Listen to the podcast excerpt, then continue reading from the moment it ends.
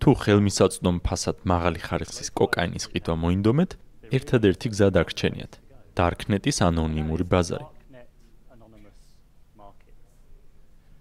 ამ საიტებზე ჩვეულებრივი ბრაუზერებით, Chrome-ით ან Firefox-ით ვერ მოხვდებით, რადგან ისინი ინტერნეტის დამალულ ნაწილში არიან, რომელსაც Tor-ის ფარული სერვისების სახელით ვიცნობთ.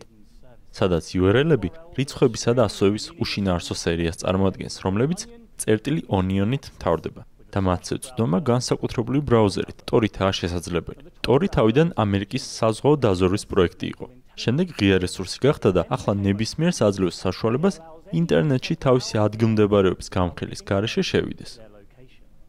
ამას ეს ბრაუზერი თქვენი IP მისამართის დაშიფრვით და მისი მსოფლიოს გარშემო სხვა ისეთი კომპიუტერებიდან გადაცემით აკეთებს, რომლებიც იმავე პროგრამულ უზრუნველყოფას იყენებენ. მისი გამოყენება ჩვეულებრივი ინტერნეტისთვისაც შეგიძლიათ, მაგრამ ამავდროულად Darknet-ის გასაღებია. ამ ვერაგულად ჭკვიანური დაშიფრვის სისტემის გამო 20-დან 30000-მდე საიტი, რომლებიც Darknet-ში არსებობს, ძალიან რთული გასათიშია. ცენზურისგან თავისუფალი სამყაროა ანონიმური სტუმრებით. ამიტომ ბუნებრივია ამ ადგილას თავს აფარებდეს ნებისმიერ ვისაც რაიმე აქვს დასამალი და არ არის აუცილებელი ეს რაღაც არალეგალური იყოს.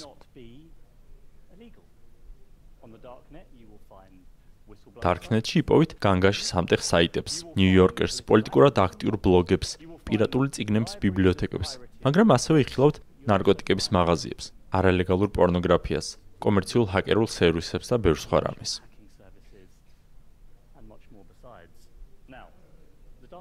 Darknet-ი ინტერნეტში ერთ-ერთი ყველაზე საინტერესო ადგილია. ამის მიზეზი ისაა, რომ ინოვაციები არა მხოლოდ დიდ ბიზნესებსა და სოფლიო დონის უნივერსიტეტებში, არამედ პერიფერიებშიც იბადება. პერიფერიებში მოხვედრილი, გარიყული ადამიანები ხშირად ყველაზე შემოქმედებითები არიან, რადგან სხვა გზა არ აქვთ. ინტერნეტის სამ ნაწილში ვერ იპოვეთ სასაცილო კატებს ან პოპ-აპ რეკლამებს. ეს ერთ-ერთი მიზეზია, რატომაც ფიქრობ, რომ ბევრი თქვენგანი Darknet საკმაოდ მალე ეწევა. არ ვამბობ, რომ ვინმე ამ აუდიტორიდან მას მაღალხარისხიანი ნარკოტიკის შესაძენად გამოიყენებს, მაგრამ ერთი წამით დაუშვათ, რომ ასია. მოთმინება იქონიეთ. ამ საიტებზე რეგისტრაციას შეამჩნევთ რა ნაცნობი გარემოა. ყველა პროდუქტს, ათასობით პროდუქტს ხარისხიანი სურათი, დეტალური აღწერა და ფასი აქვს მითითებული. ნახავთ შეკვეთის შესრულების ღილაკს და რაც თავარია ყველაზე პროდუქტის დარეპორტების ღილაკსაც. დაუჯერებელია რა.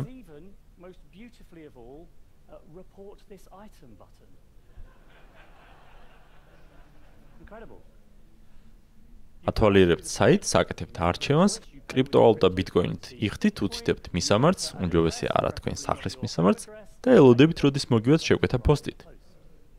რაც თითქმის ყველა შემთხვევაში მოვა. ამის მიზეზი კი არ არის ჭკვიანური დაშიფრვა, თუმცა ესეც მნიშვნელოვანია. მიზეზი გაცილებით მარტივია. მომხმარებლის რევიუები. ბუნებრივია ამ საიტებზე ყველა გამყიდველი ფსევდონიმს იყენებს, მაგრამ რეპუტაციის გამოსამუშავებლად ისინი ერთსა და იმავე ფსევდონიმს მიმართავენ. მათიციან, რომ ყიდველს ლოიალურობის შეცვლა ნებისმიერ დროს შეუძლია და ამიტომაც გამყიდველისთვის მომხმარებლის ნდობის მოპოვების ერთადერთი გზა კარგი ისტორიაა და სხვა მომხმარებლებისგან დადებითი გამოხმაურებაა. ეს კონკურენციისა და არჩევანის მრავალფეროვნება ზუსტად იმას იწვევს, რასაც ეკონომისტები იწინასწარმეტყველებდნენ. ფასები იკლებს, პროდუქციის ხარისხი იზრდება. გამყიდველები ყურადღებიანი თავაზიანები და მომხმარებელზე ორიენტირებულები არიან. ისინი მრავალგვარ სპეციალურ ერთჯერად გარიგებებს, უფასო მიტანას, იყიდე ერთი და მიღე მეორე საჩუქრად ტიპის შემოთავაზებებს აკეთებენ, რათა თქვენ კმაყოფილი იყოთ. მე Drugs Heaven-ს ველაპარაკე. Drugs Heaven-ი შვენიერ ხარისხიან მარიხუანას გვთავაზობდა, მისაღებ ფასად. ძალიან ხელგაშლილი დაბრუნების პოლიტიკა ჰქონდა, დეტალური პირობები და შიფინგის კარგი დროები. ძირფასად Drag7 მიუწერა შიდა იმეილის სისტემით, რომელიც რა თქმა უნდა ასევე დაშიფრულია. აქ ახალი ვარ. წინააღმდეგი ხომ არ იქნები მხოლოდ 1 გრამი მარიხუანა რომ ვიყიდო. რამდენიმე საათის შემდეგ პასუხს ვიღებ. ყოველთვის გპასუხობენ. სალამი, გმადლობთ რომ მოგწერეთ. ცირე რაოდენობით დაწყება ჭკვიანური საქციელია. თქვენ ადგილზე მეც ასე მოვიქციოდე. ამიტომ არ არის პრობლემა, თუ მხოლოდ 1 გრამით დაწყება გსურთ. იმედი მაქვს, თანამშრომლობას გავაგრძელებთ. კეთილი სურვილებით, Drag7. არ ვიცი, ბრწყინვალე ბრიტანული აქცენტი ქონდა თუ არა მას, მაგრამ ყოველ შემთხვევაში მე ასე წარმომიდგენია. აი ასეთი მომხმარებელზე ორიენტირებული დამოკიდებულება იმის მიზეზი რომ ბოლოს სამ თვეში ერთ-ერთ ასეთ საიტზე დატოვებული 100000 გამოხმაურებიდან 95% ხუთ ვარსკვლავიანი იყო.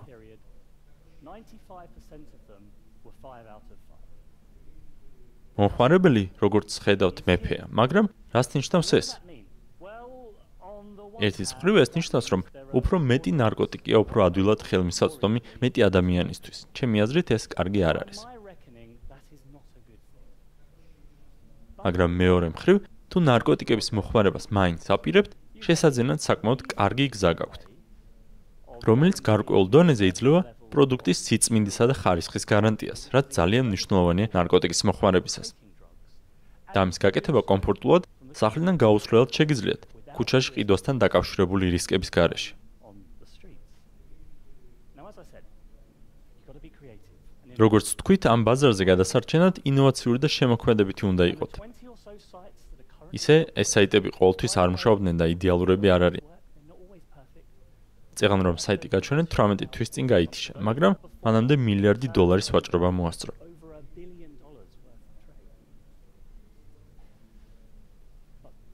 ოცამდე საიტი, რომელიც ახლა მოქმედებს, თული პირობების გამო ყოველთვის ინოვაციურები არიან. ყოველთვის ეძებენ უფრო ჭკვიანურ გზებს, უფრო დეცენტრალიზებული ძნელად გამოსაჭერი და მომხმარებელზე ორიენტირებული ხდებიან. გადახდის სისტემა ავიღოთ. რა თქმა უნდა, საკრედიტო ბარათით არ იხდით. ეს პირდაპირ გამოგააშკარავებდათ თქვენ. ამიტომ კრიპტოვალუტა ბიტკოინს იყენებთ, რომლის ნამდვილ ვალუტაზე გადაცვლა მარტივია, მომხმარებელს კი ანონიმურად დარჩენის საშუალებას აძლევს. მაგრამ ამ საიტების საქმიანობის დასაწყისში ადამიანებმა ნაკლი შენიშნეს. ზოგი არაკეთილსინდისიერი მომწოდებელი ნარკოტიკების გამოგზავნამდე ხალხის ბიტკოინით გარბოდა. საზოგადოებამ ამ პრობლემს გადაჭრის გზა იპოვა. მრავალ ხელმოწერიანი ესკრო გადახდები.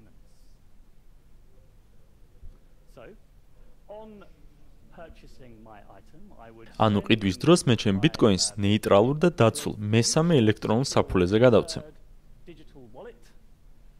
გამყიდველი ნახავს რა რომ ბიტკოინი გავგზავნე, დარწმუნდება რომ პროდუქტის გამოგზავნა შეუძლია. როცა გზავნეს მივიღებ, ტრანზაქციაში მონაწილე სამი ადამიანი და გამყიდველი, მყიდველი და საიტის ადმინისტრატორი სულ მცირე ორმა უნიკალური ციფრული ხელმოწერით ტრანზაქცია უნდა დახუროს. ამის შემდეგ გადაიგზავნება თანხა.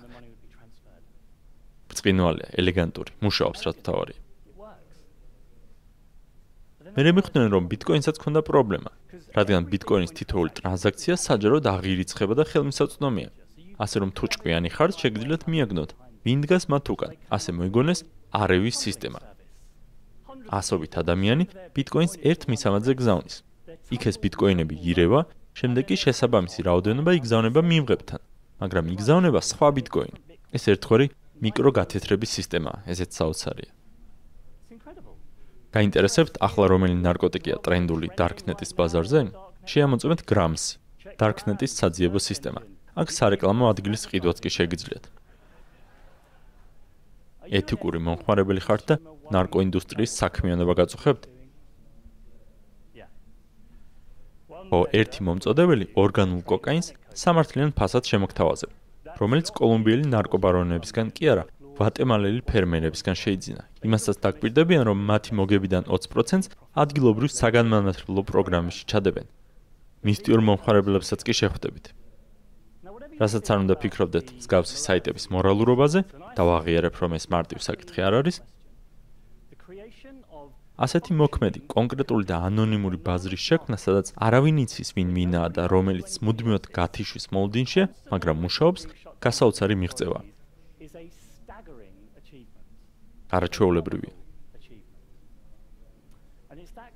ასეთი ინოვაციების გამო რომ პერიფერიები ხშირად მომავლის მაუწყებლები არიან.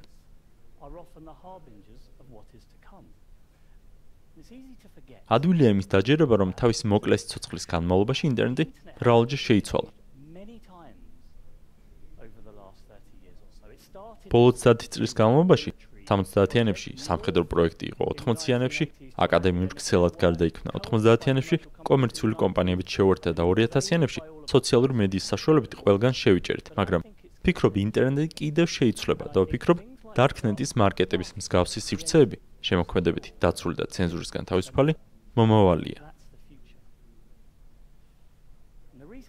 იმიტომ რომ ადამიანებს კონფიდენციალურობა მნიშვნელოვნად მიგვაჩნია. გამოკითხები ამას მუდმივად აჩვენებს, რაც უფრო მეტ დროს ვატარებთ ონლაინ, მით უფრო მეტად გვადარდებს პირადი ინფორმაციის დაცვა. გამოკითხებიდან ჩანს, რომ ეს ხელვა იზრდება. გვადარდებს რა მოვა ჩვენს მონაცემს, გვადარდებს რომ ვინმე შეიძლება გვიყურებდეს. ედვარდ სნოუდენის მიერ აშერს მთავრობის მხილების შემდეგ იმ ადამიანების რიცხვი ძალიან გაიზარდა, ვინც ინფორმაციის კონფიდენციალურობის დაცვის გასაუმჯობესებლად სხვადასხვა საშუალებებს მიმართავს. Tor-ის ბრაუზერს ყოველდღურად 2-დან 3 მილიონამდე ადამიანი იყენებს. მათი უმრავლესობა სრულიად კანონიერი და ზოგჯერ მოსაწყენი მიზნებისთვისაც მოიხმარს მას. სოფლიოში ასობით აქტივისტი მუშაობს ონლაინ თქვენი პირადი ინფორმაციის დაცვის ტექნიკებისა თუ ხელსაწყოების შექმნაზე. დაშიფრული მიმოწერის სერვისები ეთერიუმი პროექტი, რომელიც მთელ სოფლიოში ერთმანეთთან მიერთებულ, მაგრამ გამოუყენებელი მყარი დისკების დაკავშირებას ცდილობს, ერთგვარი განაწილებული ინტერნეტის შესაქმნელად, რომელსაც არავინ აკონტროლებს. განაწილებული სისტემა აქამდეც ჰქონდა. Skype-დან დაწყებული უცხოპლანეტელების ძებნით დამთავრებული პროგრამით, რომელსაც ყველაფერში ვიყენებდით. მაგრამ განაწილებულ სისტემას დამატებული კარგი დაშიფრვა ძალიან რთული გასაკონტროლებელია. ამ პრინციპებზე მუშაობს პროექტი Made Safe-იც, კიდევ Twister-იც და ესია გრძელდება. და აი რა ხდება. რაც უფრო მეტნი უერთდებით, ეს საიტები მით უფრო საინტერესო ხდება. მე კიდევ უფრო მეტი გვიერთდება და ასე შემდეგ. მე ვფიქრობ, რომ ეს მოხდება სინამდვილეში კი უკვე ხდება. Darknet-ი დილერების ბუნაგი და განგაში სამტეხავების სამალავი აღარ არის. ის უკვე პოპულარულია.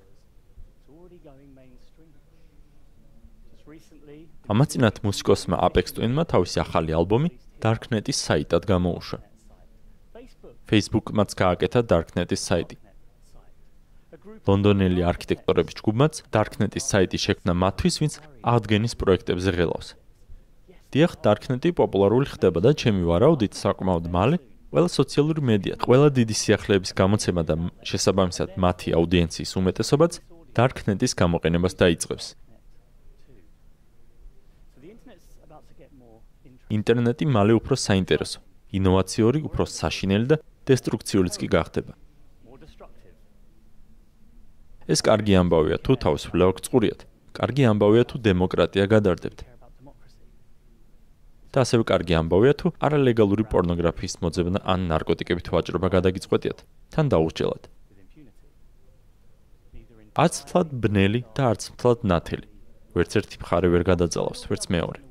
ორივე თანაბრად მოგებული დარჩება. დიდი მადლობა.